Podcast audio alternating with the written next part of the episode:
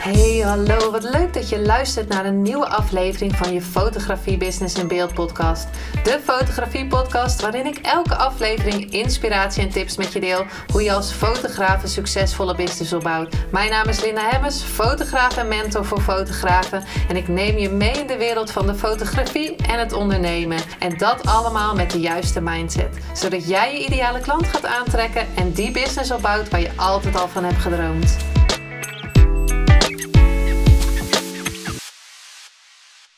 Hey, wat leuk dat je weer luistert naar een nieuwe aflevering van je fotografie business in beeld.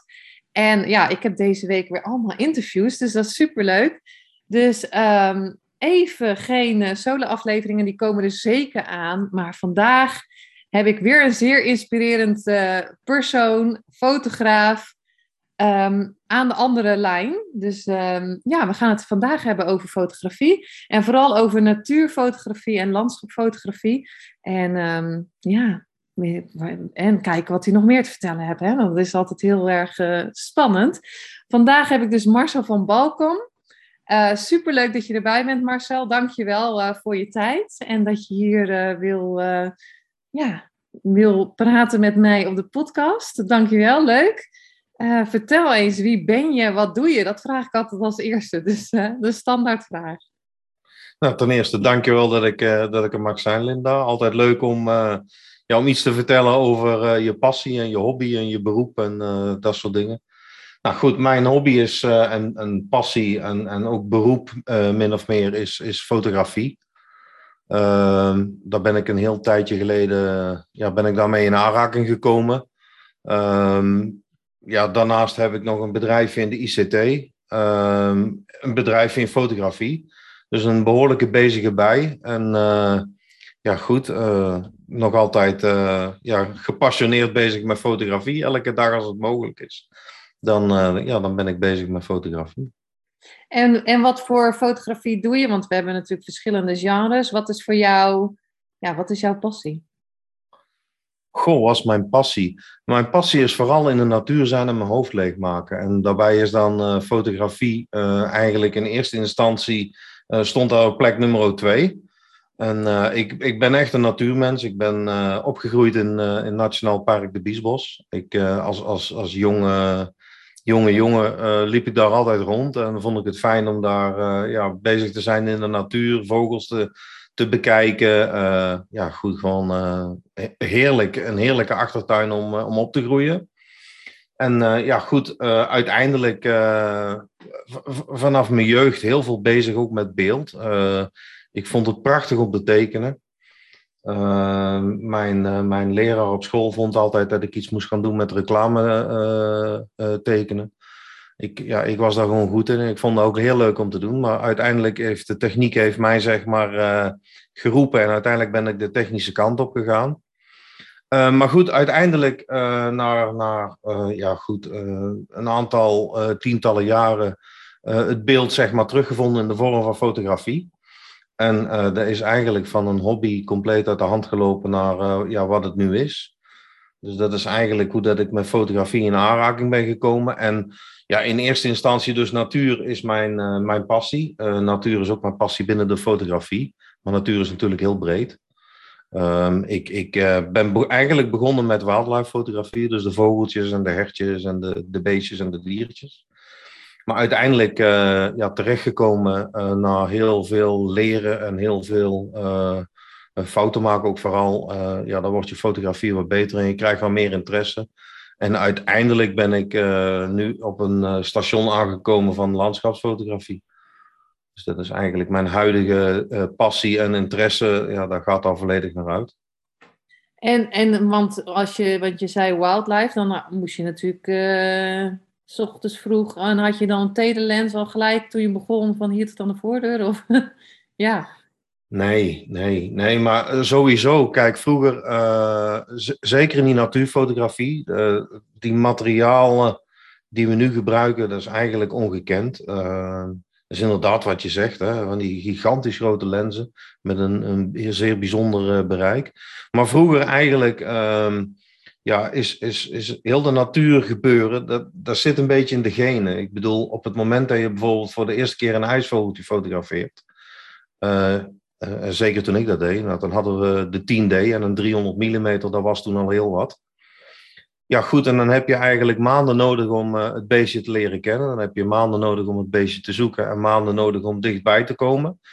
Uh, uiteindelijk uh, maken we toen de beelden die ze nu ook maken. Het enige verschil is dat je toen een aantal maanden nodig had om als investering om zeg maar die foto te kunnen maken. En tegenwoordig met die gigantisch grote lenzen en die supersnelle camera's, ja, is de productiviteit veel hoger, maar uiteindelijk het beeld blijft natuurlijk hetzelfde. Want was dat al digitaal of was dat nog echt analoog? Nou, ik, ik heb wel analoog gefotografeerd, maar ik ben eigenlijk uh, wel ingestapt op zeg maar, de fotografie toen het, toen het digitaal werd. Uh, ja, met name de techniek, hè. dan krijg je weer dat stukje techniek, wat mij ook enorm aansprak. Nou, ik zat in de ICT, dus uh, nabewerking en op de computer en dat soort zaken nog en meer. Ja, dat is dan eigenlijk ja, koude pap, of hoe moet ik dat zeggen? Ik bedoel, dat is, dat is gewoon makkelijk. Dat zit in je genen en dan, ja, dan maakt het een stuk makkelijker. Dus toen ben ik het wel echt gaan uh, appreciëren, zeg maar. Ik vond er wel, uh, ja, toen ben ik er wel uh, compleet verliefd op geworden en de passie ontwikkeld. Ja, want dat is natuurlijk met natuurfotografie of landschapsfotografie. Je moet, ja, je moet inderdaad, als je dieren gaat fotograferen, ook heel veel weten van de dieren. Waar zitten ze? Wanneer komen ze tevoorschijn? Of het landschap? Wanneer ga je naar buiten in, de, in het gouden uurtje of blauwe uurtje? Wat is het? ja, het blauwe uurtje en het gouden uurtje. Inderdaad. nee, ja, goed. Dat is inderdaad zo. Kijk, het is vroeg je bed uit. Uh, het is vooral fotograferen ja, als, als het rustig is in de natuur. Uh, dat is ook heel bijzonder. Dan kan je bijna de klok op, op gelijk zetten. Hè? Want, want zo werkt de natuur. Uh, dus morgens vroeg je bed uit, fotograferen. En dan om 11 uur, dan houdt eigenlijk de wildlife en de vogelfotografie op. En dan tot een uur of twee. En dan, uh, ja goed, daarna begint dat, trekt dat zich weer aan. En dan tegen de avond, dan laten de beestjes en de vogels zich allemaal weer zien. Dus dan wordt het, ja, dat zijn eigenlijk de momenten dat je fotografeert. Uh, grappig is ook, uh, kijk, uiteindelijk ga je bijvoorbeeld uh, een keer op pad en je reist een keer naar een bepaald gebied toe waar je een bepaalde vogel kan fotograferen. Nou, dan, dan heb je dus een aantal loze uurtjes. En in die loze uurtjes nam ik dan weer een macrolens mee. En dan ging ik weer macro's fotograferen. En zo kwam ik eigenlijk in contact met een heel breed scala van fotografie. Dus, dus zowel groot wild als vogels, als macro, als, als landschappen ja, ik vind eigenlijk uh, alles leuk uh, ja, in, in, in dat jaren. En ja, goed. Uh, ik zorgde gewoon dat ik zeg maar een hele dag mij bezig kan houden op een bepaalde locatie. En ehm, kijk, ik heb twee bedrijfjes. Dat is misschien ook wel leuk om, om ja, goed, om, om, om het zo te organiseren. Ik, ik, ik heb net al aangegeven dat sommige foto's, dat kan bijvoorbeeld drie maanden duren voordat je die maakt. Ja, en die drie maanden tijd moet je hebben. En ehm, ja, dat is ook eigenlijk de vorm van fotografie die ik een beetje gezocht heb. Is van, uh, ik leef van de ICT en ik verdien wat geld bij mijn fotografie. Dus uh, ja, uiteindelijk ben je dan professioneel fotograaf, want je verdient geld met fotografie. Maar uiteindelijk uh, is het een zeg maar een enabler voor de andere. Um, als ik bijvoorbeeld een foto moet maken die ik in mijn hoofd heb en die duurt vier maanden, ja, dan duurt die gewoon vier maanden. En dan heb ik die tijd en dan heb ik die mogelijkheid. En dat is ook eigenlijk de rust die ik wil hebben. En ook de zekerheid. Dus ik hoef, als ik s'morgens zeg maar uh, de deur uitstap, dan is het niet zo dat ik per se die foto moet maken, omdat ik anders s'avonds niets meer te eten heb. Dus ik kan uh, het uh, esthetische lijnen en, en, grenzen, die kan ik gewoon respecteren zoals je die moet respecteren als natuurliefhebber, denk ik. En uh, ja, goed, het grote voordeel is dan inderdaad dat je, ja, dat je tijd hebt en dat je ja, ook zo zeg maar uh, je zaken kan plannen en je foto's kan maken. En dat is denk ik een heel groot voordeel. Ja, en de, dat, dat wildlife, dat, dat doe je dat alleen in de Biesbos of hoe? Nee, ik bedoel, de, ja, de, de, in eerste instantie is de Biesbos mijn achtertuin is een gebied wat ik heel goed ken. En dat is net wat je al eerder aangaf. Hè. Uh, natuurfotografie moet je inderdaad weten uh, hoe dat je het vogeltje kan zien, hoe dat hij fluit.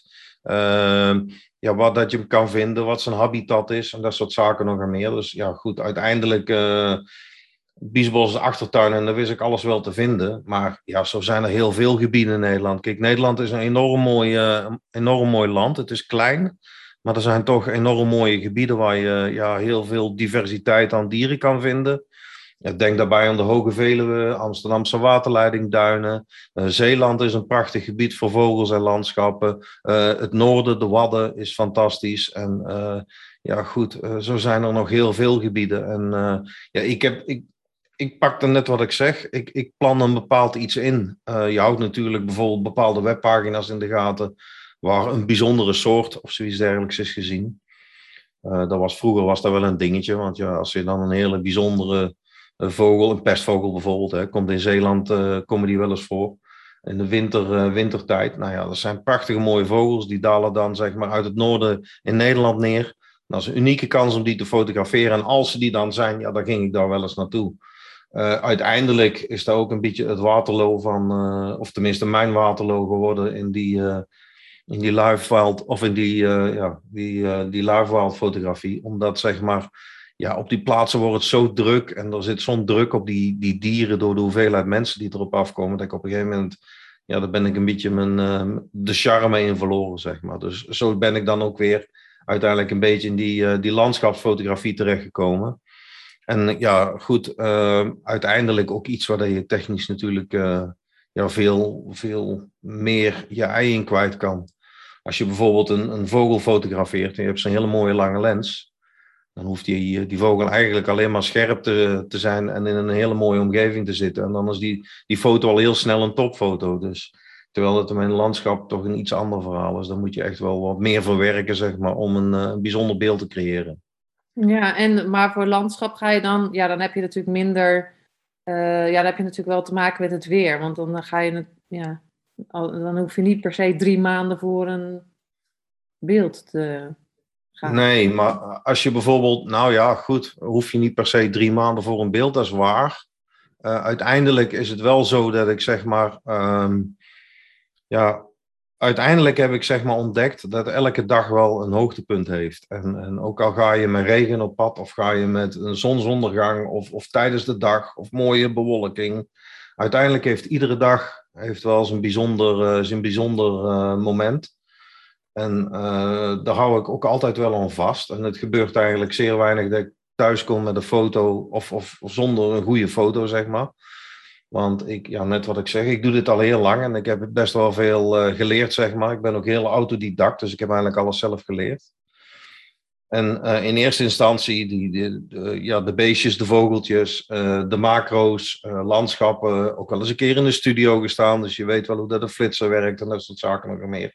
Nou, uiteindelijk heb je zeg maar zoveel inzicht in de natuur, in de kennis van fotografie dat je uiteindelijk wel op een punt bent, uh, ja, dat, dat het, hoe moet ik het zeggen, de, de, verwachting niet zo heel erg belangrijk meer is. Ik kan altijd wel een mooie foto maken. Als je bijvoorbeeld op, op reis gaat, hè, uh, ik, ik ga ook mijn regelmaat bijvoorbeeld naar IJsland toe, of, of, of, andere landen waar dat ik fotografeer. Ja, en dan ben je daar een bepaalde periode. En dan is het niet zo dat je zeg maar af kan wachten totdat je de, het ideale weer hebt. Dan moet je die foto maken op het moment dat het er is. En in IJsland, uh, ja, dat is het land van de vier jaargetijden op een dag. Dat is in Nederland soms ook wel eens, maar in IJsland is dat nog wel erger. Mm. Nou goed, als je dan een hele dag regen hebt, dan kan je maar slecht, of een hele dag mist of whatever, dan kan je maar slecht zeggen van ja, oké, okay, we skippen deze locatie en, en uh, we laten het gaan. Want sowieso kan je daar dan een prachtige foto maken. Alleen je moet je, ja, je, moet je aanpassen aan het moment.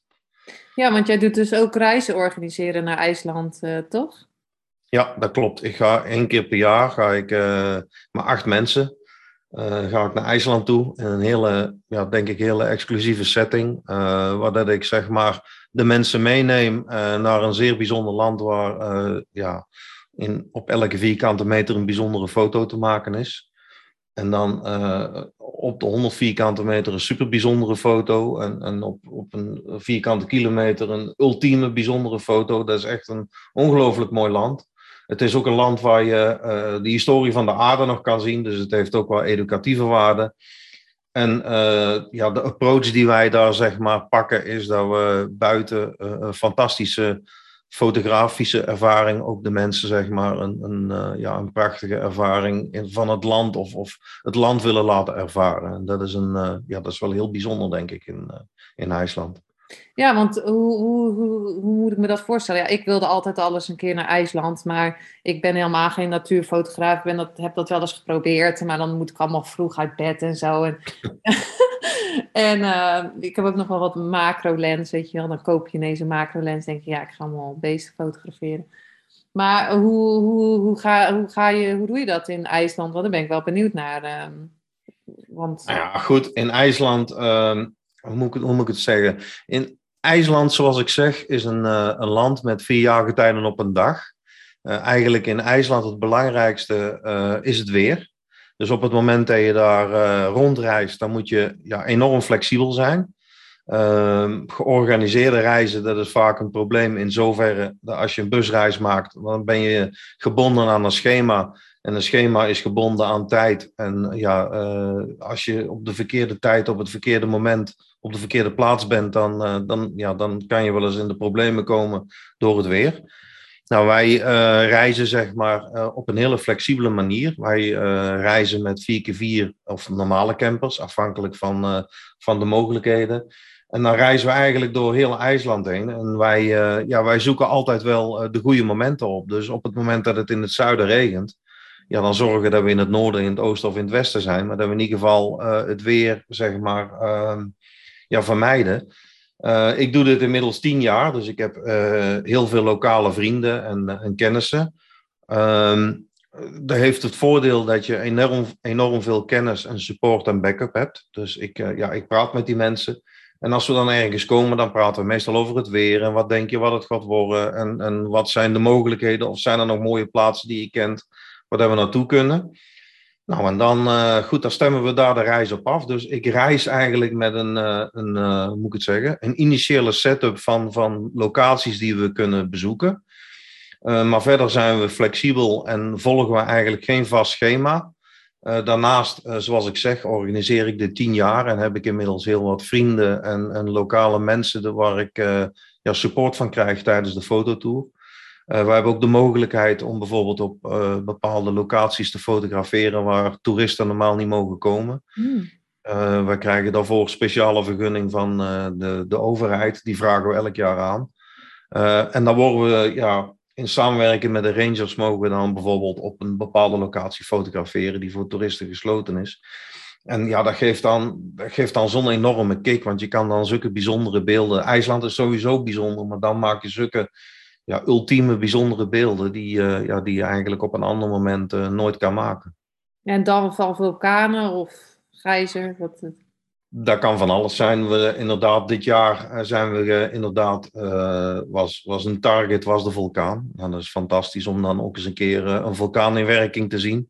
Dat is voor veel mensen denk ik wel een bucketlist item. Het, het, was in ieder geval voor mij een bucketlist item. Dus ik, ja, ik vond het fantastisch.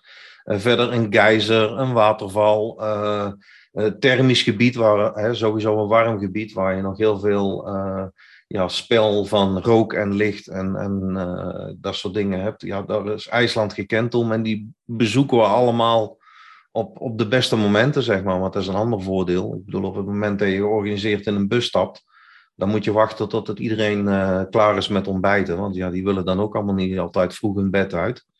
En wij hebben de afspraak dat we s morgens om vijf uur op de camper van de deur kloppen. En heb je zin om mee te gaan, dan ga je mee. En heb je, heb je zin om even te blijven liggen? Of kom je daarna uh, naar, die, naar een bepaalde plek toe? Ja, dat kan dat ook. Dus het is voor iedereen, uh, is er wel wat wils. En iedereen kan zich op zijn eigen niveau en zijn eigen tempo, kan die, uh, kan die daar fotograferen. Nou, mooi. Klinkt in ieder geval superleuk. En, um, want ja, zo'n vulkaan is natuurlijk echt super mooi. Maar en, en wat, wat voor groep neem je dan mee? Echt die dan al natuurfotografie uh, doen? Of, of zijn dat, ja... Nee, niet, niet, niet per se. Ik bedoel, iedereen mag mee. Uh, we hebben zelfs mensen bij die niet fotograferen en die gewoon meegaan voor de ervaring en om lekker te wandelen, want dat kan ook. Zoals ik zeg, wij komen op de mooiste plaatsen uh, in IJsland en, en we zijn flexibel. Dus uh, ja, goed, mensen die graag een wandeling maken of die, uh, die graag mooie dingen zien, die mogen ook mee.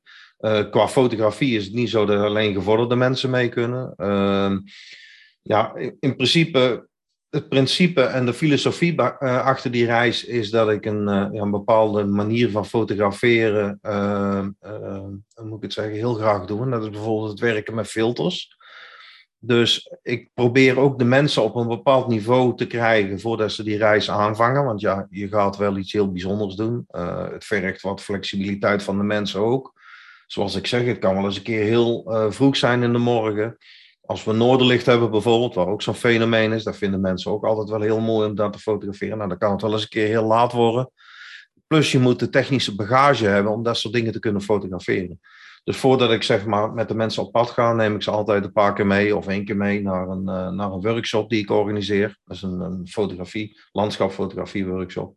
Vaak in Zeeland of, of, of in de Wadden. Uh, ja, en dan ga ik die mensen laten zien hoe dat ik zeg maar de filters gebruik. En uh, de manier van fotograferen en de approach die je neemt hè, als fotograaf en hoe je dingen benadert met instellingen en dat soort zaken nog meer. Nou, en de mensen die, uh, die hebben daarna nog een, meestal nog een aantal maanden de tijd om daar zichzelf uh, ja, een beetje in, in bij scholen of, of, of kennis te vergaren. Ja, maar dan uiteindelijk komen ze beslagen te ijs in IJsland. En dan, ja, dan, dan hebben ze in ieder geval de bagage om, om die foto's te maken. En ik moet zeggen, um, ja, ieder op, op zijn eigen niveau, die komt er altijd weer wel uit. En die, uh, die komen altijd thuis met bijzondere beelden. Dus uh, ja, sowieso uh, is dat wel een, een, concept, zeg maar, wat, wat, wat heel goed aansluit bij een hele grote, grote groep fotografen. En wat voor filter gebruik je dan? Zo'n ND, wat is dat dan voor filter?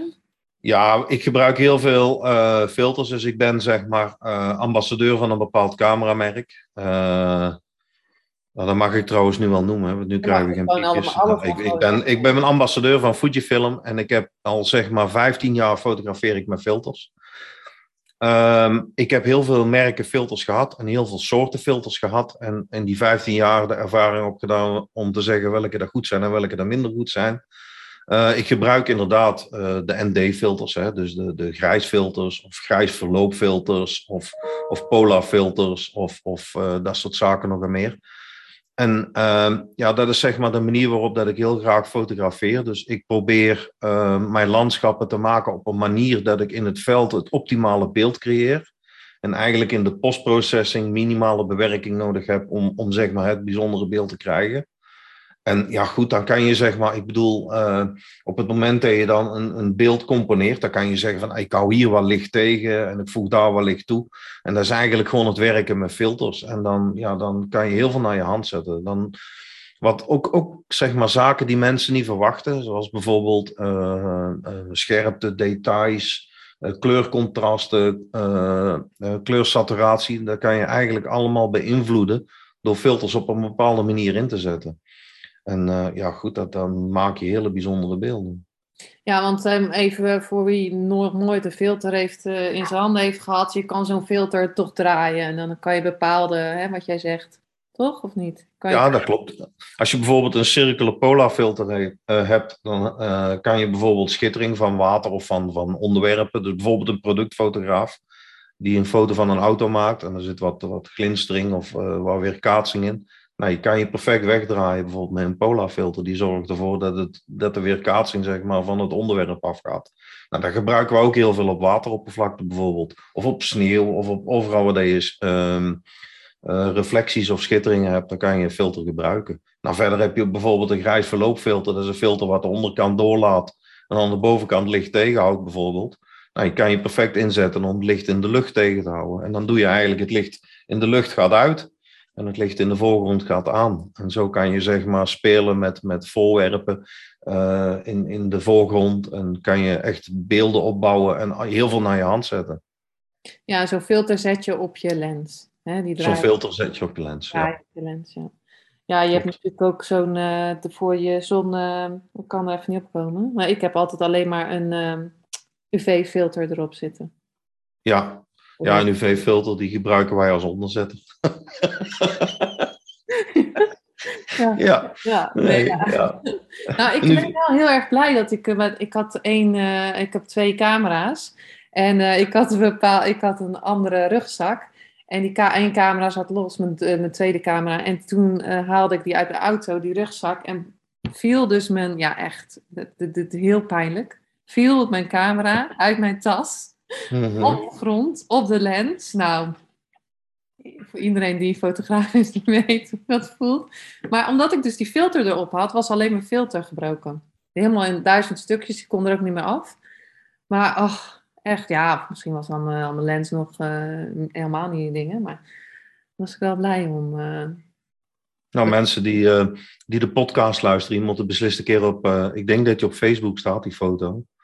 Is van een camera die in de wadden om is gevallen. Mm. En dat, is, dat is ook wel een grappig gezicht. Dan heb je eigenlijk een klompje modder. Dus ja, ja dat gebeurt soms. afgelopen reis in IJsland had ik ook iemand die zijn camera helaas liet vallen. En daar was inderdaad de body die brak gewoon in tweeën. Dus ja, dat gebeurt, dat soort dingen. Dus een heel goed statief en, en heel goed opletten wat je doet, dat is gewoon, dat is gewoon key. Maar wat je zegt bijvoorbeeld, om, om terug te komen op die UV-filters, is wel grappig als, als onderzetter. Ik bedoel, um, ja, ik fotografeer bijvoorbeeld zelf met een middenformaat. En ik gebruik alleen, eigenlijk alleen maar prime lenzen om zo goed mogelijk uh, kwaliteit zeg maar, over te houden. Nou, en dan, ja, dan ga je bijvoorbeeld een UV-filter, daar mijt je dan. Omdat een UV-filter, net wat je zegt, voor bescherming is het gewoon, uh, gewoon goed om het te gebruiken. Dus mensen moeten zeker nu niet uh, het UV-filter van hun uh, lens afhalen en, en, niet meer gebruiken. Voor, het is zeker voor bescherming is het heel goed, ja, heel goed om een dergelijk filter te gebruiken. Maar voor de kwaliteit, ja, het geeft alleen maar verliezen en alleen maar problemen. Dus vandaar dat ik bijvoorbeeld nooit een UV-filter gebruik. Het is trouwens ook wel grappig, want um, als je daar een beetje in verdiept, als je bijvoorbeeld ooit een keer een lens laat vallen en je zal je voorste lenselement moeten laten vervangen, dat is vaak nog minder duur dan, uh, dan die hele platte filters die ze zeggen van er zit nul verlies in en dit en dat. Hmm. Uh, want eigenlijk bestaan die gewoon niet, want overal zit verlies in, wat je op je lens schroeft. Maar ik bedoel, een UV-filter heeft eigenlijk geen toegevoegde waarde, heeft geen functie. Nee, maar misschien moet ik hem er ook eens afhalen. Dat is eigenlijk best wel een goed idee. Ik, eh, ik heb natuurlijk die, eh, die lens gekocht en uh, dan, dan wordt je aangeraden om een filter erop te doen. Maar nu jij dit zegt, en trouwens, ik vind gewoon dat je reet scherp moet uh, fotograferen natuurlijk en alles. Maar ja. ja maar om bijvoorbeeld aan te geven, UV-filter, wat je zegt. bijvoorbeeld UV-filter op het moment dat je op je lens draait.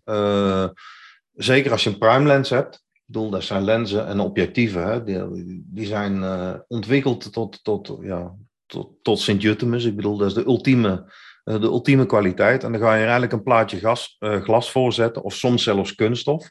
Je verliest scherpte. En eigenlijk creëer je ghosting. Ghosting is bijvoorbeeld de weerkaatsing van licht tussen lens en filter. Dus dan krijg je van die hele vreemde, vreemde dingen. Uh, een, een, iets, uh, zeg maar, wat nu heel erg hot is in de filterwereld, is bijvoorbeeld de microcoating op een lens. Uh, kan wel eens ruzie krijgen met de coating op een filter. Mm. En dan krijg je eigenlijk een ghosting wat ervoor zorgt dat bijvoorbeeld je foto's niet meer scherp zijn. En dat komt dan puur door het UV-filter. Dat komt dan nergens anders door, puur door het UV-filter. Ehm, verder creëren het natuurlijk extra flares.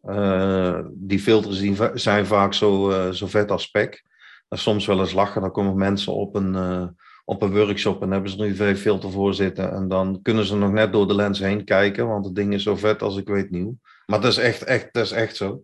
Je moet poetsen. Soms onvoorstelbaar. Poetsen? Ja, ja, tuurlijk moet je poetsen.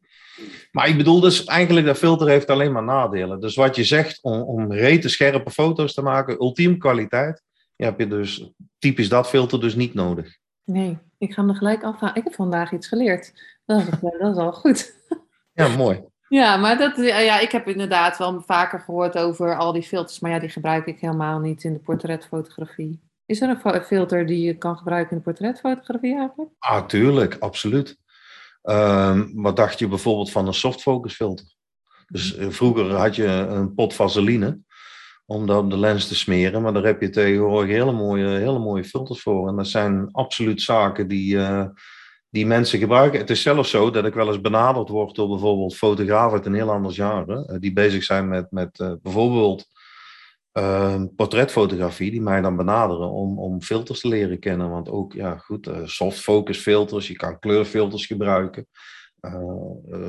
ja, ik denk dat je zelfs op het moment dat je mensen in ogen of van dichtbij gaat fotograferen, dat je bijvoorbeeld een CPL kan gebruiken om bepaalde schitteringen of reflecties uit ogen te halen of van de huid of van lippen. Dus ik denk absoluut dat dat wel, wel toepasbaar is. Hmm, nou, interessant. En nog heel even terugkomend op IJsland, hè? Want uh, ik hoor dan heel vaak van als, uh, als we uh, zeg maar tegelijk een portret zouden maken van iemand, dan maken we hetzelfde portret. Nou, ik geloof daar niet in. En, en als, als je dus acht mensen meeneemt, of tien, nou, ik weet het eigenlijk niet, maar maken ze dan allemaal hetzelfde beeld? Of, of gaan ze echt hun eigen Crea beeld maken? Nee, ja, goed. Dat, dat is ook een beetje uh, mijn credo, is dat, uh, dat Crea uh, gedoe. Vind ik dat er, ja, dan moet iedereen gewoon absoluut najagen, want dat is het allerbelangrijkste, denk ik, in fotografie. Um, kijk, dan ga je eigenlijk terug naar, naar de kern van fotografie, want je maakt inderdaad een beeld. En iemand die naast jou staat, die maakt ook een beeld. En als die beelden hetzelfde zijn, ja, dan, dan is de vraag van wie gaat zijn beeld verkopen of wie zijn beeld is het beste. En dat gaat dan over minimale technische verschillen waarschijnlijk. Um, maar inderdaad, op het moment dat je in IJsland bent en op het moment dat ik werk met mensen in bijvoorbeeld de workshop, dan vind ik het altijd super belangrijk dat die mensen dan ook inderdaad hun creativiteit uh, gebruiken en ook toepassen. Dus mensen, ik heb bijvoorbeeld mensen die komen dan op een workshop en die hebben al een, een bepaalde manier van werken. Nou, en dan vind ik ook dat je ja, die manier van werken moet, moet, uh, moet behouden. En, en uh, kijk, waar ik dan die mensen leer, dat zijn handvaten die ze kunnen, toe kunnen passen binnen hun eigen manier van fotograferen. En, en hun eigen beeld. Kijk, een, een, goede foto, dat gaat uiteindelijk over emotie en over het boeien van, van een kijkend publiek, zeg maar. Ik vind ook dat foto's gezien moeten worden trouwens, want die worden vaak veel te weinig gezien. Want we maken foto's en we gooien er een paar op, eh, op, eh, op internet. En uh, daar blijft het bij. Maar wat je vaak ziet is dat mensen ja, enorm creatief en heel bijzonder kunnen kijken naar een bepaald, bepaald landschap of een bepaald onderwerp. En als zodanig ook eigenlijk thuiskomen met heel andere foto's. En dat is juist ook wat ik heel graag wil zien als iemand te veel copycat-achtige zaken doet, en die zou mee naar IJsland gaan, dan zal ik ook zeggen van nou goed, um, dan haal je die eigenschappen en die, die, die, die sterke punten van die fotografen wel uit. En dan is het juist daar waar je op moet focussen. Ja, want het dus is niet alleen maar de techniek. Het is eigenlijk wie er achter de camera staat. Absoluut. Kijk, een, een, een goede landschapsfoto, die vertelt eigenlijk een verhaal. Kijk, in mijn foto's, in mijn vorm van landschapsfoto is bijvoorbeeld niet zoveel plaats voor de mens. Dus ik probeer altijd het menselijk element uit mijn foto's te halen. En ik probeer eigenlijk een kunstzinnige inslag te geven uh, in een landschap. Uh, daarbij probeer ik een beetje een fijn aard uh, manier van fotograferen, waar kleuren, contrasten, details heel erg belangrijk zijn. Dus vandaar ook die filters en, en de manier waarop ik die inzet om, om zeg maar het maximale uit die camera te krijgen. Um, en, en ja, goed, dat geeft me dan in de nabewerking vaak, vaak zoveel mogelijkheden. Uh, ja, uh, ondanks dat ik, dat ik niet zo heel veel nabewerk. Maar ja, eh, de, de, beelden die je dan creëert, die, die vertellen vaak echt een verhaal. En, en die, die creëren emoties bij mensen en, en dat soort zaken. Ja, en dan, dan heb ik het goed gedaan. Dan vind ik het ook leuk. En dan hoeft het niet per se een goede foto te zijn. Want wat voor mij een goede foto is, dat kan voor jou een, een minder goede foto zijn. En uh, kijk, dat is ook precies wat ik niet belangrijk vind. Op het moment dat iemand een foto maakt, dan kan het zelfs zo zijn dat ik hem niet begrijp. Of het kan zelfs zo zijn dat, ik, dat het niet mijn ding is. Ik bedoel dat ik het gewoon niet mooi vind. Maar zolang als die foto technisch goed is. En, en hij weet mensen te boeien met die foto. Is dat gewoon een goede foto. Einde discussie. Hmm. Ja, en want jij, jij print je foto's nog steeds wel? Of, uh, of, want je hebt nu volgens mij ook een boek zelfs gemaakt. Ja, dat klopt. Ik vind, uh, ik vind inderdaad dat fotowerk gezien moet worden. Dus uh, bijvoorbeeld op, op presentaties bij een fotoclub uh, zie je heel vaak mensen die een mooie presentatie van een dergelijk iets in elkaar uh, steekt. Ik ben bijvoorbeeld een paar weken terug naar een van de deelnemers van IJsland ben ik ja, naar zijn presentatie op de fotoclub gaan kijken. Dus inderdaad, foto's moeten gezien worden. ik print ook één keer in de zoveel tijd, of één keer in het jaar of één keer in de twee jaar, maak ik een boek met al mijn beste beelden erin. Uh, ik heb inderdaad in het verleden al meerdere boeken gemaakt, waarin uh, ik in aanraking kwam met een, uh, een, beeldredacteur en uitgevers en dat soort zaken nog en meer. En die selecteren dan precies de foto's die ik nooit zou selecteren, maar die educatief dan weer een waarde hebben. Dus dat is weer een andere vorm van kijken. en niet per se fotografisch bijzonder zijn. Nou ja, goed. En ik vind dan ook belangrijk dat één keer in de zoveel tijd dat er dan een boek komt waarin die fotografisch uh, voor mij aantrekkelijke beelden er staan en waar ik probeer inderdaad de mensen mee te boeien. En dan breng ik een boek uit en inderdaad uh, pas geleden uh, een, een, nieuw boek uitgebracht met de foto's van de laatste twee jaar. En alleen IJsland of ook andere beelden? Nee, dat zijn echt foto's van de laatste twee jaar. Dus er zit bijvoorbeeld een reis uh, naar Italië in, naar de Dolomieten. Er zitten heel veel beelden in van de Biesbos. Er zitten beelden in van Zeeland, van de Wadden, van IJsland, uh, Duitsland, Oostenrijk. Uh, dat zijn eigenlijk gewoon echt de beelden van de laatste twee jaar waar ik zeg van oké, dit zijn voor mij bijzondere beelden. Of hier heb ik een bepaalde inspiratie gezocht. Uh, een beeld wat ik bijvoorbeeld herinner is van, ik was op een gegeven moment uh, gewoon zelf een soort van zelfstudie begonnen naar Ansel Adams. Van de manier waarop de hij zijn beelden en zijn landschappen maakt, dat sprak me aan. Nou, in de Dolomieten kwam ik op een gegeven moment eigenlijk een setting tegen waar ik 100% uh, Ansel Adams in zag. Nou ja, goed, en dat is dan een inspiratiebeeld waar ik, ja, wat voor mij een, een, een autodidact iets is, waarbij ik zeg maar een aantal zaken voor mezelf leer.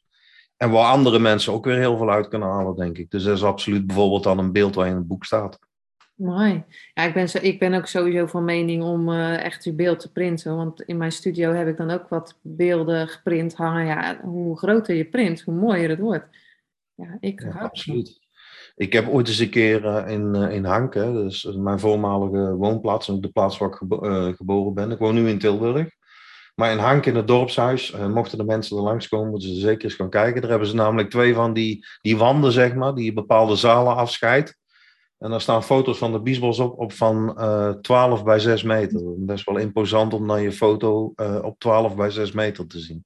Dus inderdaad, dan printen, ja, fantastisch. Ja, en ja, want wat doe je met zo'n boek? Dat leg je dan, dat kan je gewoon doorbladeren en dan staan er ook nog informatie over de foto's bij of alleen maar echt het beeld? Nee, dat is alleen echt het beeld. En dat doe ik eigenlijk met opzet. Dat is ook weer een beetje om zeg maar, uh, het publiek te triggeren. Uh, aan de ene kant zullen er mensen zijn die, uh, die, die, ja, die krijgen een bepaald gevoel of een bepaalde emotie bij een foto. En die verzinnen daar zelf een verhaal bij. Of die, die kunnen daarin wegdromen. Het is ook echt een koffietafelboek. Dus zo min mogelijk tekst en zoveel mogelijk beeld. En aan de andere kant kan het bijvoorbeeld voor een fotograaf een, een, ja, een boek van inspiratie zijn van oké, een bepaalde manier van fotograferen, uh, de approach in een bepaalde foto, de opbouw van beeld, uh, kleurgebruik, dat soort zaken nog meer. Ik bedoel, ja, daar, daar, daar, zitten, daar zitten uitersten in die, uh, in, tussen die foto's waar ik zeg maar, ja, die voor mij zeg maar een soort van studieobjecten zijn en waar ik in, in leer, maar ja, die qua beeld ook dusdanig bijzonder zijn, zeg maar, dat ze mensen ook kunnen boeien en, uh, en een verhaal vertellen. Ja, en even, want de, net zei je, ik gebruik allemaal prime, prime lenzen. Wat, wat, wat zit er zoal in jouw tas eigenlijk uh, voor apparatuur? Nou, dat is heel grappig. Uh, vroeger, ja, ik, ik word ook al een dagje ouder. en wijzer ook wel. En uh, eigenlijk had ik vroeger een tas van uh, een kleine 45 kilo op mijn rug. En daar liep ik dan uh, eh, 20 kilometer mee door de AWD bijvoorbeeld. En dan kwam ik s'avonds thuis en had ik drie dagen nodig om te recupereren. Maar tegenwoordig um, ben ik eigenlijk overgestapt van de, de spiegelreflexcamera naar een systeemcamera. Ik gebruik wel een hele bijzondere systeemcamera. Dat is een middenformaatcamera van Fujifilm. Dus 100 megapixels, dus gigantisch veel beeldinformatie. Um, en daarbij gebruik ik lenzen uh, die eigenlijk speciaal voor die camera gemaakt zijn. Dus 23 mm. Ik heb ook een zoom 3264, een 250 mm, een 80 mm 1.4. Uh, die dan eigenlijk een 1.2 wordt op die, op die uh, middenformaatcamera. Want ja, die heeft een negatieve kropfactor, dus die gaat ook iets anders met licht om. Um, maar dat is eigenlijk wat ik gebruik. En uh, van die camera's heb ik er twee in mijn tas zitten. En er zitten er een stuk of vijf lenzen in. En dan uh, tassen met filters. ja, daar besparen we niet op. Dus die, die, uiteindelijk wordt mijn fototas steeds kleiner en de koffer met filters steeds groter. En, en, neem je dat dan helemaal mee als je een foto gaat maken, of hoe? Ja, in het begin altijd wel. Maar tegenwoordig uh, ook daar uh, selecteer ik op voorhand al. Dus ik, ik, ik maak mijn fototas klaar en daar zitten er meestal een paar lenzen in en een, en een body. En verder wat batterijen, dus, dus dat valt op zich wel mee. En dan weet ik vaak al met welk filtersysteem ik uh, moet gaan fotograferen. Want dat is een beetje afhankelijk van lenzen. Je hebt bijvoorbeeld een 100 mm systeem voor uh, de 23 mm. Maar als ik bijvoorbeeld naar de 17 mm toe ga, dan heb ik een 150 mm filtersysteem nodig. Om vignettering uh, van filters te voorkomen. En ja, goed, dan, dan, dan weet je eigenlijk op voorhand wel wat, wat, wat, je, wat je mee moet nemen. En wat ik eigenlijk tegenwoordig niet meer doe, is om alles mee te nemen. Want dat, eh, die tijd heb ik echt gehad. Dat ga ik ook echt niet meer doen. Ook als ik ga lopen in een natuurgebied. Uh, je ziet altijd zo'n fotograaf lopen met zo'n hele grote pukkel op zijn, uh, op zijn rug. Nou, ik ben tegenwoordig, doe ik het helemaal anders. Dus ik, ik pak mijn statief. En daar zet ik een body op en dan pak ik een lens. En ik, ik hang een paar van die filtertasjes aan mijn statief. En ik gooi dat ding op mijn rug of op mijn nek en dan loop ik zo het gebied in. Ik heb nooit zelfs een tas of zoiets bij. Dus ik, ik van tevoren, voordat ik een gebied inloop, lekker zo licht mogelijk en uh, zo flexibel mogelijk uh, ja, aan de gang. En zeker bijvoorbeeld in IJsland, zo'n land waar je bijvoorbeeld wel eens een keer op een, uh, vulkaan, want dat was wel een dingetje bijvoorbeeld. misschien ook wel leuk om dat te vertellen naar, sowieso was dat een avontuur. Want die vulkaan, dat, is een, dat was een hike van ja, een kleine 8, 9 kilometer door berglandschap. Dus dat is ook best wel intensief. Uh, ook bijzonder mooi trouwens, moet ik zeggen. Dus je komt op waanzinnige plaatsen. Maar ik bedoel, ja, dan neem je geen tas van 40 kilometer. Dat hou je gewoon niet vol. Nee, dus, ja. snelt hij ook nog uh, bij die... Ja, precies. Dus ik, ik selecteer eigenlijk wel mijn materiaal in dienst van wat ik ga doen. Ja. Laten we het zo zeggen. Ja, ja, want je moet natuurlijk ook, ja, maar ja, je moet ook wel bij hebben natuurlijk. Maar goed, dan heb je al je batterijen en kaartjes kan je natuurlijk ook in je jas uh, steken. Nou ja, goed, een kaartje tegenwoordig, een, goed kaartje is uh, 256 gigabyte. Mm Nou is het natuurlijk wel zo dat van die middenformaat per foto 250 uh, gigabyte uh, per foto gebruik ongeveer. Maar het is ook niet zo. Kijk, vroeger als ik op pad ging, kwam ik terug met 5000 foto's. En als ik nu een landschap ga fotograferen, heb ik 20, 30 foto's, hooguit. En dan ben ik een dag op pad geweest. En eh, ja, daar zitten dan. Dus ja, je, je verandert heel erg van uh, je ervaring. Uh, dat soort dingen. Ik bedoel, het, het, heeft ook geen zin op het moment dat je weet dat die foto het niet gaat worden. Heeft ook geen zin om, om hem dan te maken. Dus vroeger klikte ik dan wel en ging daar gewoon die foto maken. En ja, dan wilde ik die sluiter horen. En, en tegenwoordig weet ik, wil ik gewoon het rendement zien. En ja, dat is dat is ook een stukje ervaring. Dus dat, ja, dat zijn wel zaken die veranderen in de loop van de tijd. Ja, en daarnaast doe je ook nog wat dieren eh, fotograferen, toch in Nederland? Ja, dat klopt. Ik werk uh, nog altijd samen met een, uh, een valkenier. Uh, nee, dat mag ik niet zeggen. Ik, ik, zeg geen valkenier. Het is namelijk een bioloog. Oh. Want als natuurfotograaf word ik heel mijn leven al afgerekend op het feit dat ik wel eens vogels in gevangenschap fotografeer. Um, het zijn inderdaad vogels in gevangenschap, maar uh, de man, uh, Karel, uh, waar ik mee samenwerk, dat is een bioloog. Die heeft een heel andere kijk op vogels. Die, ehm, die vogels die bij hem zeg maar, in, op zijn territorium of in zijn gebied zitten, dat zijn vogels die los zitten en die blijven daar voor veiligheid. Het is een heel andere filosofie, moet je zeker een keer meemaken. is ook heel bijzonder. Je snapt ook niet hoe dat het kan, maar ik bedoel, als je een hond roept en die komt naar je toe, dan snap je dat op het moment dat je een vogel, een roofvogel roept en die komt naar je toe, dan is dat eigenlijk niet te begrijpen. Dat is heel bijzonder. Nou, en Karel die laat zijn roofvogels daar kuiltjes graven en die laat ze salto's vliegen en die, die doet allerlei vreemde dingen met die vogels. En uh, ja, goed, dat is zeg maar een, een zeer uh, bijzondere en gecontroleerde manier om die vogels te fotograferen. Altijd zonder riempjes, zonder zenders. Dus niet zoveel Photoshop-werk eh, achteraf. Dus ook de mensen die zeg maar niet zo bedreven zijn in Photoshop, die kunnen dat perfect fotograferen. Maar ja, goed, dat is een workshop die ik één keer in de uh, zoveel maanden doe. Vooral in het voorjaar en het najaar. Ik probeer een beetje de zomer en het harde licht probeer ik te vermijden. Ja, en dat is een workshop met uh, een gigantisch rendement. Ik heb er afgelopen zaterdag toevallig een gehad. Hmm. En daar kwam bijvoorbeeld iemand aan uh, met een, wat was het? Ik ken een ik ken een spiegelreflex met een 1855 kit lens. Uh, nagenoeg geen ervaring. En uh, ik heb toevallig vandaag zijn foto's op internet gezien.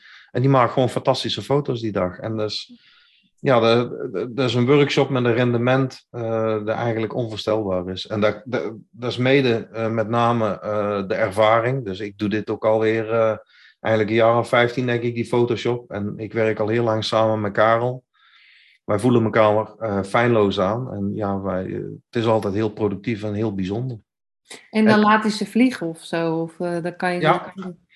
We zetten ze op een stam, waarbij we zeg maar dingen, ja, god, waar gaan we daar rekening mee houden?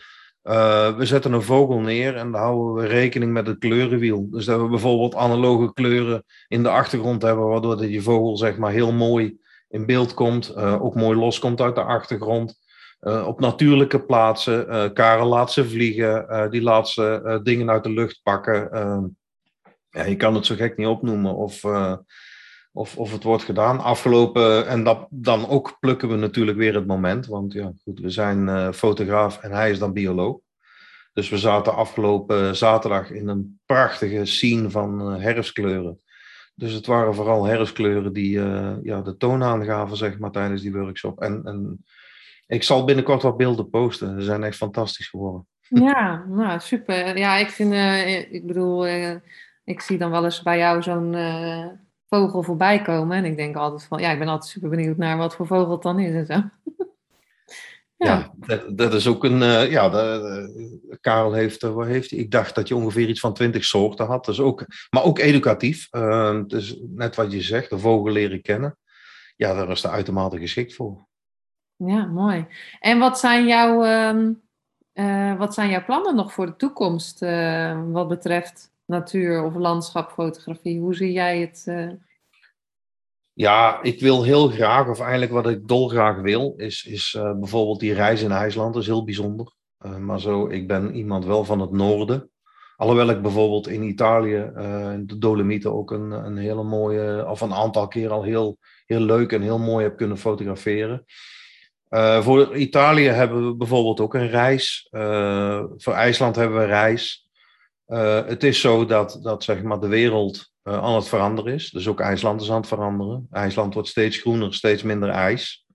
En net wat ik zeg, ik ben wel een man van het noorden en ik vind die brutaliteit van die aarde met die vulkanen en die, die, ja, het ijs en dat soort zaken nog meer vind ik wel heel bijzonder. Dus uh, persoonlijk is het uh, Groenland en, uh, en Patagonië wat enorm hoog op de lijst staat, omdat ik daar gewoon hele bijzondere gebieden vind. Ja, en verder zou ik heel graag nog met mensen ja, dit, dat soort gebieden willen, willen opzoeken, zoals Dolomieten, zoals IJsland, zoals whatever. Ik bedoel, mensen kunnen zelfs ja, mij contacteren of, of met mij een, een reis plannen. Ik heb bijvoorbeeld, net voordat ik met een groep naar IJsland ben gegaan, ben ik ook ehm, één op één met iemand naar IJsland gegaan. Nou, en die heeft een fantastische week gehad, dus dan stappen we gewoon in een camper. En dan plukken we elke dag letterlijk de dag. En dan uh, fotografisch gezien komen we op de mooiste plekken, op de mooiste momenten. En dan is het puur aan degene die meegaat, ja, wat dat zijn voorkeur heeft. Zegt hij van nou, ik wil uh, ja, vijf dagen naar de vulkaan, dan gaan we vijf dagen naar de vulkaan. Maar het is, ja, het is wel zo, net wat ik eerder aan heb gegeven, ik, ik doe IJsland er heel lang, daar heb ik heel veel ervaring. Dus ik kan daar ook mensen heel goed uh, begeleiden en zeggen van nou goed, ik denk dat we beter uh, deze route kunnen rijden. Of we kunnen beter die kant op gaan. En dan kunnen we dit plannen en dan kunnen we dat zien. En dan kunnen we zo fotograferen. Ja, en eigenlijk in de Dolomieten is dat ook zo. Want ik bedoel, uiteindelijk in al die jaren uh, krijg je wat zicht op het weer. Op situaties. Want ik bedoel, als je de bergen in loopt, weet je dan ook ja, hoe je jezelf voor moet bereiden. Wat, wat zijn de veiligheidsnormen die je in acht moet nemen? Want ja, je kan niet ongeacht alles doen wat je zou willen. Dus ja, dat is een beetje de kant uh, waar dat ik zeg maar in de toekomst op wil gaan. Ik bedoel, meer, meer één op één, meer reizen en dan ja, reizen interessant. Dus dat kunnen reizen zijn, zeg maar, waar dat ook wat luxe in zit. Dus het hoeft niet altijd per se een survival mode te zijn. Ik vind het ook belangrijk en ik kan ook genieten van een, ja, van een goed diner of, of een, gewoon een gezellig, een gezellig gesprek. Ik heb workshops of, of, of in die one-to-one met die, die man in IJsland hebben we een keer een avond gewoon naar zijn portfolio zitten kijken. En heb ik gezegd van nou oké, net wat, wat ik eerder aan heb gegeven. Ik bedoel, dit is jouw ding, dit is wat ik zie, wat jij mooi vindt. Nou, maar dan zijn we technische imperfecties gaan zoeken. En daar hebben we gewoon over gepraat van, dan denk ik dat je binnen jouw fotografie dit of dat zo op kan lossen. ja, en uiteindelijk zijn er heel productieve en, en, goede gesprekken vaak. Dus ja, dat, is, dat vind ik ook leuk om te doen. Ik vind het, ik vind het leuk als mensen, zeg maar, als ik die handvaten kan geven, dat ze in de toekomst verder mee kunnen. Maar dan zeker gebaseerd op, op hun eigen uh, ja, crea-bea, eh, zoals jij dat noemt. en want je noemde net Patagonië, wat, wat is daar speciaal aan? Ja, Patagonië. Ik bedoel, er zijn twee, er zijn twee gebieden in de wereld die, waar je de wildernis nog, nog ziet. En dat is denk ik het noorden en het zuiden. Waarbij het zuiden gigantisch bijzonder is. Uh, dan kom je geen ijsberen tegen, dacht ik, maar alleen pingwings en dat soort zaken. En die zeehonden, die walvissen en de haaien. En, maar ook, ook het gebied aan zich, landschappelijk gezien, uh, ja, is, is dat ongerept. Dat is iets wat mij heel erg aanspreekt. Uh, Afrika bijvoorbeeld, waar heel veel mensen voor gepassioneerd zijn, dat trekt mij minder. Ik, ik, ik hou niet zo van de hitte en helemaal niet van al dat stof en dat zand, want dat is veel te slecht voor mijn lenzen en mijn camera. Maar uh, ja, Patagonië, uh, ja, fantastisch. Uh, Argentinië, ja, goh, man, zo mooi. Nog wel ja. een lijstje. ja. En wat jij zei, want ehm, hè, we weten nu wat je in je tas hebt, maar jij zei ook van je moet je goed aan de, hè, aan de norm of aan, aan, de veiligheidsdingen vasthouden. Want hoe bereid jij dat voor? Je kan natuurlijk niet zomaar erin boeien. Nee, nee, absoluut niet. Bijvoorbeeld als ik IJsland het binnenland intrek, uh, dat klinkt dan heel erg, uh, heel erg ver gezocht, maar dan heb ik altijd een survival kit bij. Het kan zeg maar zomaar zijn dat je ergens strandt met je auto. Nou, dan moet je kunnen drinken en kunnen eten. Dus ik heb bijvoorbeeld altijd van die tubes bij, dat je bijvoorbeeld, eh, sowieso in IJsland is het water bijna altijd drinkbaar. Maar daar kun je gewoon zeg maar water reinigen en dan kun je drinkbaar maken. Dus dat vind ik belangrijk. Daarnaast heb ik altijd een satelliettelefoon bij als ik dat soort gebieden ingaan. Want het kan maar zo zijn dat je daar ergens terechtkomt en dat je ergens tegenaan loopt. En dat je op een gegeven moment uh, ja, je, je been breekt, of voor mij apart. Ik bedoel, je loopt daar over stenen of over rotsen en, en je kan altijd een keer uitglijden. Of er kan altijd gewoon iets gebeuren. En dan vind ik het belangrijk dat je ook daadwerkelijk uh, voorbereid bent. En dat je gewoon, uh, ja, moet ik het zeggen, de bewoonde wereld kunt contacteren. Ik heb daar bijvoorbeeld mensen gezien uh, die zijn daar op een fiets aan het fietsen in een landschap waar uh, wij met een 4x4 maar amper kunnen rijden. Dus laat staan fietsen. Mhm. Nou, die, uh, dat breekt dan op een gegeven moment op en die staan daar langs de kant en die hebben niks. En, en ja, dat vind ik dan. Dat vind ik te ver gaan. Dat, daarnaast is het ook zo dat wij al een aantal keren zieke mensen mee hebben genomen. En dat is eigenlijk ook geen hindernis, en die kunnen gewoon mee. Zoals ik zeg, wij we hebben communicatie bij. Uh, we kunnen ten alle tijde hulp inroepen. We houden gewoon rekening met elkaar. Dus mensen met diabetes die om de zoveel uur moeten eten, nou, dan zorgen we dat, we ze gewoon, of dat, dat ze gewoon kunnen eten wanneer dat hun behoefte daarvoor uh, voor is. En dat soort zaken nog en meer. We hebben mensen met MS meegehad. Dus op zich, ja, ik, ik vind dat wel belangrijk. En ik weet ook hoe gevaarlijk IJsland kan zijn. Want er zijn bijvoorbeeld een aantal uh, mensen, avonturiers, die zijn er bijvoorbeeld nooit van teruggekomen. Dus ik bedoel, het, het, het, is, ja, het is wel iets om rekening mee te houden. En dat vind ik dan ook belangrijk. Maar dat maakt het ook avontuurlijk natuurlijk daarnaast. Naast ja, ja, natuurlijk. Absoluut. Het is sowieso, kijk, je kan het avontuurlijker insteken, omdat je ook daadwerkelijk weet dat je gewoon ja, veilig bezig bent. Die mensen zitten daar op mijn verantwoordelijkheid, of in ieder geval, ik ga daar als gids mee. Dus ik ben verantwoordelijk dat die mensen daar uh, ook, ook goed weer dat land verlaten en ook gewoon een leuke tijd hebben. En dan, ja, dan, dan kan je bepaalde dingen wel doen, omdat je gewoon beter voorbereid bent. Dus dat is bijvoorbeeld ook een van de zaken die onze reis ja, heel erg exclusief maakt, denk ik. Ja, en ook rekening houden natuurlijk met de natuur zelf. Je kan niet zomaar met z'n allen naar binnen stekkeren van... uh, hey, hallo, we gaan wat beelden maken. Nee, nee, dat is ik heb bijvoorbeeld bij die vulkaan, dat is wel een mooi voorbeeldje misschien. Uh, ja, goed, dan ga je naar de vulkaan toe en dan, uh, dan zit je daar en dan is uh, die vulkaan niet actief. En dan blijf je zitten. En dan op een gegeven moment, dan zit je daar drie uur. Ja, en dan is het eten, drinken. Dan moet je maar bij hebben. Hè? Ik bedoel, je had maar zo slim moeten zijn om het mee te nemen. Want ja, terug is drieënvalf uur lopen, dus dat doe je dan ook niet. En, en uh, uiteindelijk kom je dan bijvoorbeeld in, in situaties terecht waar je goed na moet denken. Als die act, de vulkaan wel actief wordt, zorg dat je zeg maar niet ergens in een dal gaat zitten dat vol kan lopen met giftige gassen. Want wij hebben bijvoorbeeld bij de vulkanen, dat is iets heel bijzonders wat ik eigenlijk nooit had gedacht. Maar dan loop je bijvoorbeeld langs een lavaveld.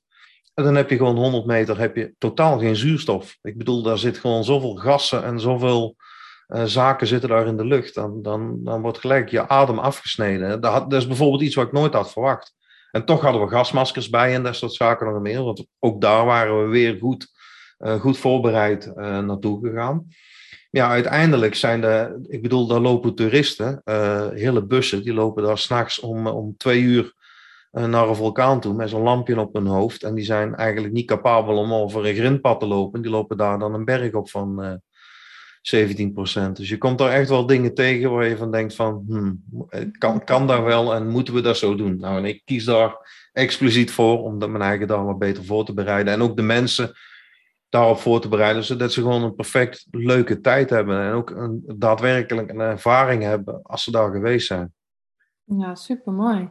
Ehm, en, en heb je nog een laatste tip of laatste, laatste grappig verhaal of zo wat je denkt van dat is leuk om te vertellen? Of of om mee te geven in, de, in deze aflevering? Een grappig verhaal.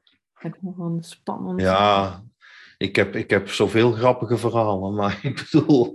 Nou,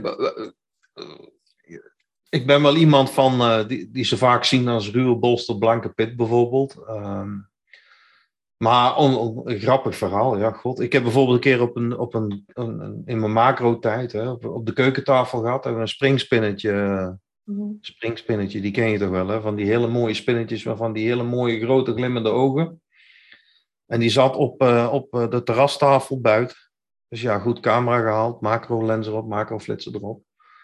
En ik, uh, ja, ik ben eigenlijk helemaal niet zo bang aangelegd, maar dat was op zich wel grappig. Ik was helemaal aan het opgaan in het spinnetje en ik was aan het fotograferen. En op een gegeven moment uh, kwam ik er dus achter waarvoor dat ze dat spinnetje een springspin noemden. Mm Want hij sprong echt linea recta de lens in. En dat is een spinnetje van 2 mm, maar ja, als je dan door die lens kijkt, lijkt, lijkt het net alsof er een olifant naar je toe springt. Ja, en uh, toen lag ik dus drie meter achter, achterover in mijn eigen tuin. Zo hard dat ik ervan schrok bijvoorbeeld. Dus dat is op zich wel een grappig moment. Of als je, ik heb ook eens een keer gehad aan een Schots strand. Uh, lagen we onder, onder, zeer bizarre omstandigheden op het strand grijze zeehonden te fotograferen. En ik was bezig met grijze zeehonden in de branding. En uh, ja, op een gegeven moment dan sluip je, zeg maar, want wij hebben dan het principe, ook om, om de beestjes niet te verstoren, dat de beestjes, of ja, dat we de beestjes naar ons laten komen, in plaats van wij naar de beestjes toe en alles op te jagen.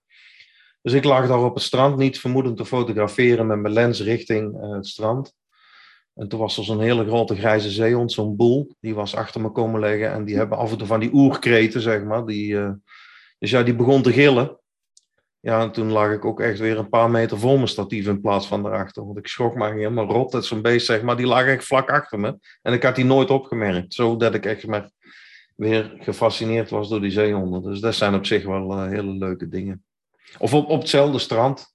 Dat je uh, uh, drieteen strandlopertjes, die komen dan zo ook ze nu en dan een keer voorbij lopen.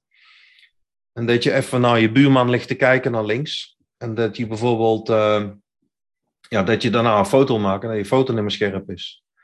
En wat bleek nou? Ik, net wat ik zeg, het waren daar behoorlijke omstandigheden. Het was denk ik min 6 en, en uh, 8 Beaufort of, 8 Beaufort, of min 8 en 6 Beaufort, zoiets was het. Was in ieder geval berenkoud, veel wind. En uh, toen fotografeerde ik mee uh, met Canon. En toen had ik zo'n grote 500 mm lens. En dat bleek dus achteraf dat zo'n vogeltje, die was in mijn lens gaan zitten. Omdat hm. het daar, ja, daar zat hij uit de wind. Maar ja, ik kon natuurlijk geen scherpe foto meer maken. Totdat ik eigenlijk in de gaten had dat de vogeltje in mijn lens zat. Maar ja, nou, dat zijn zo van die momenten. Dat is, ja, dat is gewoon grappig. Zijn ja, leuke soms, dingen. soms zie je wel eens zo'n uh, foto, superleuk, met zo'n eekhoorn bijvoorbeeld. Dan zie je zo'n camera liggen en dan zo'n eekhoorn. Dat zag ik laatst. Een eekhoorn achter de camera en een meisje of zo voor de camera. Ja, dat kan.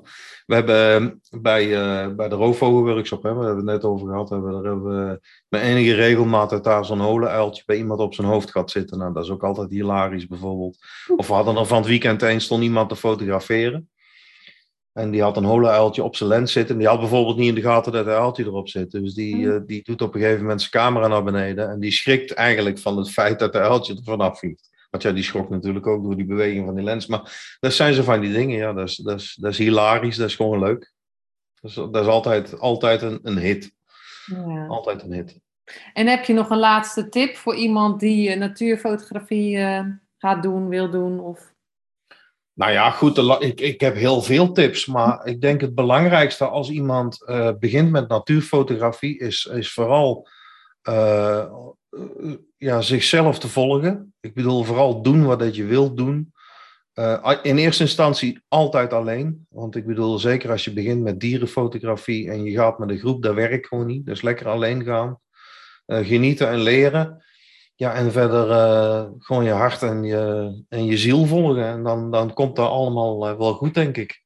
Ja, en waar kunnen ze jou vinden? Waar kunnen ze jouw beelden zien? Want wij hebben nu een heel gesprek gehad, maar niemand, of niemand weet wat voor beeld je maakt. Dat, hè, er kunnen mensen zijn die jou natuurlijk kennen. Maar waar kunnen ze jouw beelden vinden of meer over IJsland? Want dat is misschien ook superleuk. Of de workshop. Ja, nou, ik heb een website, www.marcelvanbalkom.nl. Dat is eigenlijk heel makkelijk. Uh, op die website zijn een aantal pagina's te vinden. Er staan ook alle workshops, alle reizen die we aanbieden. Uh, heb ik een blog, dus ik schrijf ook wel eens wat voor Fujifilm en dat soort zaken nog aan meer. Uh, verder ben ik te vinden op diverse fotosites, op FotoNL, op Zoom, op x1.com, op weet ik god wat nog meer, maar in ieder geval heel veel van die sites. En natuurlijk Facebook, Instagram. Uh, ja, daar ben ik allemaal te vinden onder de naam Marcel van Balkom. Of op Zoom bijvoorbeeld MV Balkom, of FotoNL MV Balkom. Uh, ja, goed, en dat zijn sites waar ik met enige regelmaat werk post. Nou, dat is al superleuk om jou daar eens te gaan opzoeken en wat voor beeld je gaat maken. En uh, via de, de IJsland kunnen ze gewoon via de website, uh, IJsland kunnen ze via de website, uh, kunnen ze via de website bekijken. En mensen die eventueel daarover een keer een persoonlijk gesprek aan willen gaan, die zouden bijvoorbeeld naar de beurs kunnen komen in, in België. Uh, Lowlands uh, fotografiebeurs binnenkort, 11 december dacht ik dat het was. Dan staan we op de beurs en dan uh, zijn we bezig. Heb ik twee presentaties over IJsland. Misschien ook leuk om daar eens eh, iets van bij te wonen op zaterdag en op zondag. Ik dacht om, om half drie of om twee uur of om half drie. Daar moet ik even slag om de arm houden. Maar dan hebben we twee keer een presentatie waar ik over IJsland, over de reis ga vertellen. En dan tijdens de beurs vertellen we over IJsland en alle workshops en reizen die we in de planning hebben staan. Ja, superleuk. En zo'n die beurs is dat uh, natuur, eh, is, wat, wat, is het echt uh, fotografie gerelateerd? Of nou, het, is, het is vooral natuurfotografie gerelateerd, maar daar staan natuurlijk ook alle grote merken, zoals Canon, Nikon, Olympus, Fuji ja, een hele hoop mensen met, met, met boeken en, en, uh, en statieven en dat soort zaken nog meer. Dus heel veel materiaal uh, wordt daar tentoongesteld. En er staan ook wel wat fotografen die, uh, die bezig zijn met natuur- en landschapsfotografie. Die daar hun werk ja, laten zien en, en vertellen over hetgeen wat ze doen en de reizen, et cetera, die ze organiseren. Dus. Nou, super, super tof. Want het is wel weer leuk natuurlijk om weer eens een keer presentatie te zien tegenwoordig. Ja, ja, dat is, dat is eigenlijk te lang geleden. Dat is ook iets wat ik eigenlijk heel graag doe. Dus bij, bij, uh, ja, bij fotoclubs. Uh, ja, goed, mensen die, uh, die zijn altijd wel uh, in voor een goed verhaal. En ik denk, ja goed, ik heb, ik heb eigenlijk wel zat te vertellen, denk ik. Of tenminste, ik vind het ook leuk om mensen te vertellen over wat dat ik doe en hoe dat ik het doe en hoe dat ik het zie. En, en dat soort zaken nog en meer. En daar kunnen mensen vaak wel een eigen voordeel mee doen. Dus ja, die, die uh, lezingen op die, die fotoclubs of zelfs op, op evenementen, ja, dat vind ik altijd wel heel erg leuk om te doen. En ook het persoonlijk contact met mensen is natuurlijk iets wat we de, de laatste tijd uh, bijzonder gemist hebben.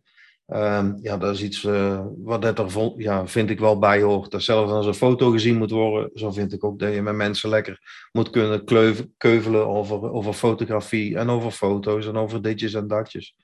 Ja, nou supermooi. Nou uh, Marcel, dankjewel voor je, voor je tijd. Dat je, en, en je hebt hartstikke veel leuke dingen verteld. En zeker leuk om uh, wat meer ook over een ander genre te vertellen hier in de podcast. Want ja, ik heb het vaak over portretfotografie, maar het is uh, ook superleuk om wat anders van andere fotografen te horen. ja, dankjewel voor je tijd. Dankjewel voor je, voor je verhaal. En uh, ga Marcel zeker volgen op Instagram. Op uh, Marcel van Balkom is het, geloof ik gewoon, hè? Zo niet fotografie erachter. Nee, klopt. En um, ja, dankjewel. En dankjewel ook voor het luisteren weer, deze aflevering. En um, ja, tot de volgende keer maar weer.